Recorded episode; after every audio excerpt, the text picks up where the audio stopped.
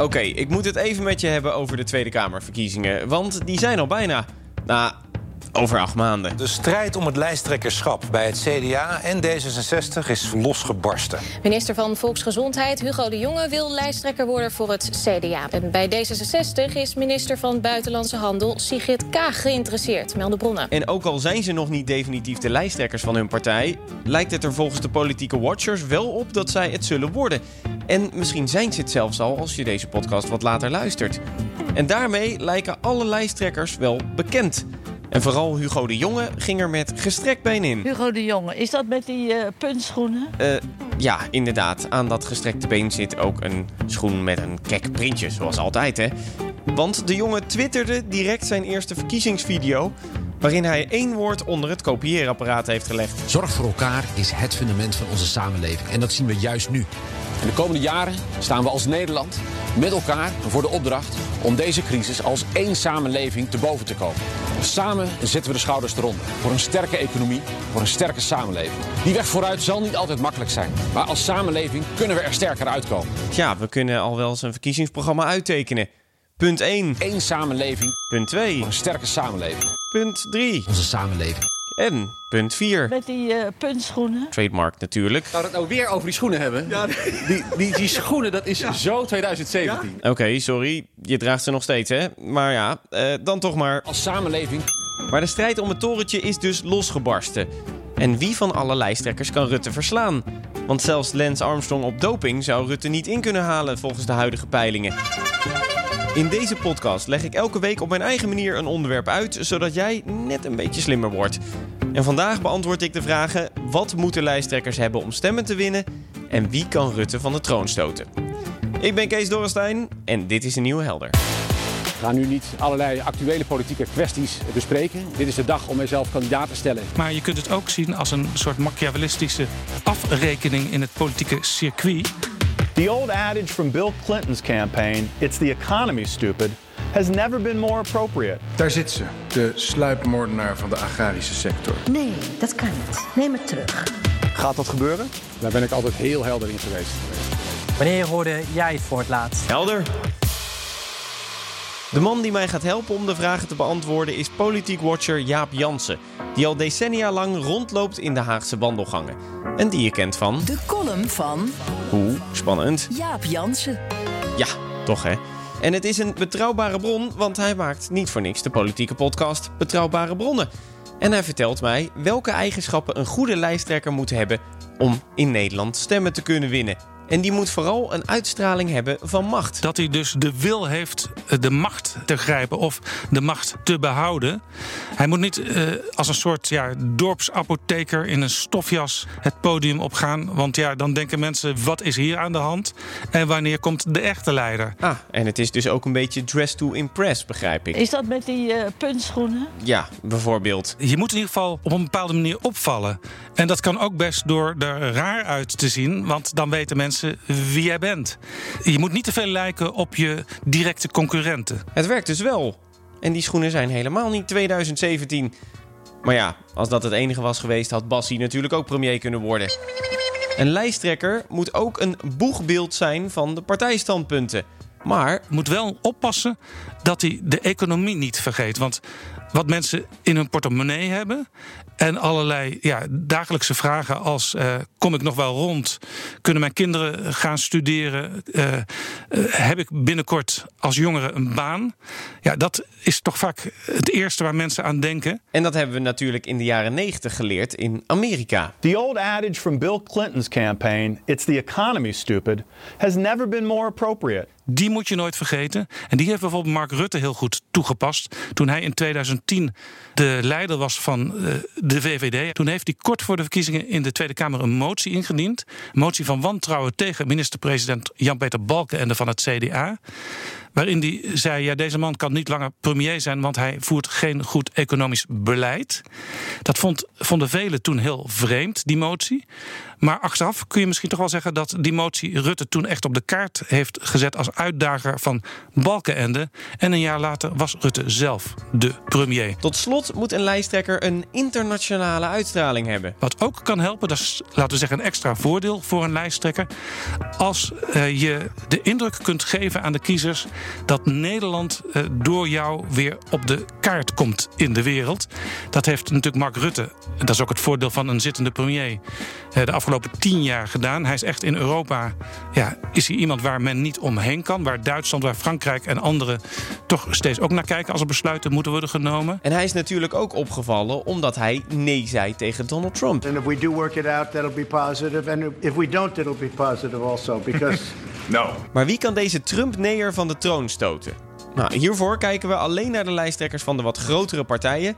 Want ja, FC Groningen gaat de Champions League natuurlijk ook niet halen, om het maar zo te zeggen. En voor al die voetbalfans die nu op het punt staan om een dreigbrief naar me toe te sturen. FC Groningen heeft ook nog nooit de Champions League gehaald. En als je het clublied hoort, dan hebben de eigen fans eigenlijk ook wel de hoop opgegeven. Laat ons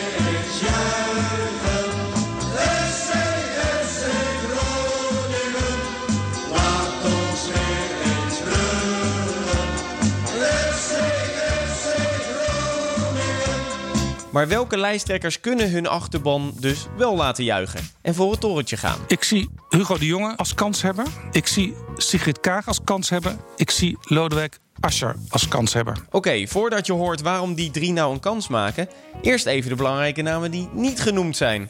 Als eerste Jesse Klaver. Wanneer heb jij het tegen iemand gezegd? Ik zie je. Ik hoor je.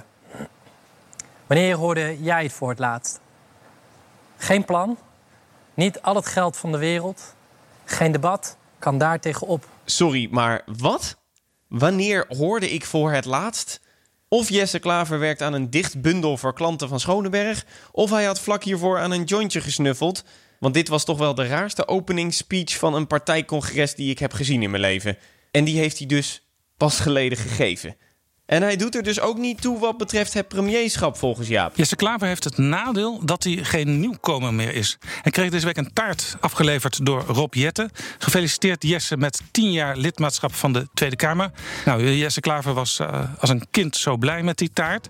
Maar je kunt het ook zien als een soort machiavellistische afrekening in het politieke circuit. Want Rob Jette onderstreepte hiermee, die Klaver, dat is eigenlijk al iemand die er misschien wat te lang zit hier op het Binnenhof. En je zou het dus ook kunnen zien als, als Jette gaat zeggen: uh, Kaag is ook mijn kandidaat. Ik ga mezelf niet kandideren. Ja, dan wordt het voor D66 makkelijker om bijvoorbeeld in te breken electoraal bij GroenLinks. Naast Klaver werd Thierry Baudet ook niet genoemd. Die deze week weer eens hoffelijk in de Kamer was. Daar zit ze, de sluipmoordenaar van de agrarische sector. Terwijl onze boeren op de rand van de Mag afgrond ik heel staan. even? U gaat toch deze minister sluipmoordenaar noemen? En dat vond Kamervoorzitter Ariep niet zo leuk. Nou, ik vond het een trieste vertoning, dat mag u weten. Maar waarom geen Baudet? Die kan veel stemmen halen. Dat blijkt ook soms uit peilingen. Hij is natuurlijk bij de provinciale statenverkiezingen ook de grootste partij van het land geworden. Maar alle partijen die ertoe doen, die hebben al meerdere malen laten weten dat ze Baudet niet als serieuze kabinetspartner zien, laat staan als premier. En bij Wilders geldt eigenlijk hetzelfde. Dus die valt ook af. Dan blijven er dus drie over. Allereerst Ascher. En ik wil dus vechten voor iedere stem en iedere zetel. En dit zei hij vlak voor de vorige verkiezingen, waarna hij keihard verloor. Maar dit keer heeft hij dus wel een kans. En dat komt omdat hij met Rutte samen heeft geregeerd, waardoor hij zijn strategieën kent. Dus als Rutte onwaarheid vertelt in een debat, en soms kun je heel ver komen door te bluffen in een verkiezingsdebat, dan heeft Ascher dat meteen door. Rutte kan hem niet ontglippen.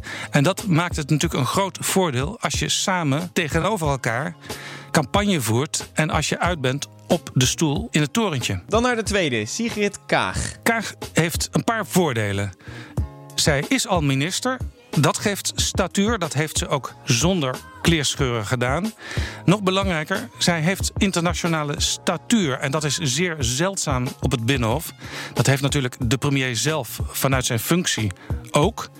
Zij heeft voor de Verenigde Naties in verschillende functies gewerkt. Zij heeft uh, de grootste leiders in de wereld gesproken en ook de grootste dictators. Zij weet dus hoe ze met dat soort mensen om moet gaan. Maar dat internationale, is ook haar nadeel. Kent zij Nederland voldoende? Ze heeft een groot deel van haar leven in het buitenland gewerkt.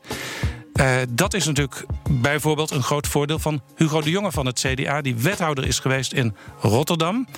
En daar zorg en onderwijs deed. En dus ook de problemen van de grote stad, die problemen die kent hij heel goed. Dan maar direct door naar de jongen. Hugo de Jonge, is dat met die uh, puntschoenen? Die tijdens zijn persrondje van zijn aankondiging eigenlijk alleen maar dingen uit zijn voorstelvideo herhaalde bij BNR. De komende jaren staan we als Nederland voor de opdracht om met elkaar echt als één samenleving die crisis te boven komen. Bij RTL Nieuws. Juist nu we met z'n allen uh, die crisis te boven moeten komen als één samenleving. Bij één vandaag. Ik wil met het CDA een leidende rol spelen om Nederland weer uit die crisis te helpen. Om als één samenleving uit die crisis te komen. En toen kwam Nieuwsuur en die wilde hem iets anders vragen, maar daar wilde hij gewoon niet over praten. Wat vindt u van het Europees Herstelfonds? Steunt u dat?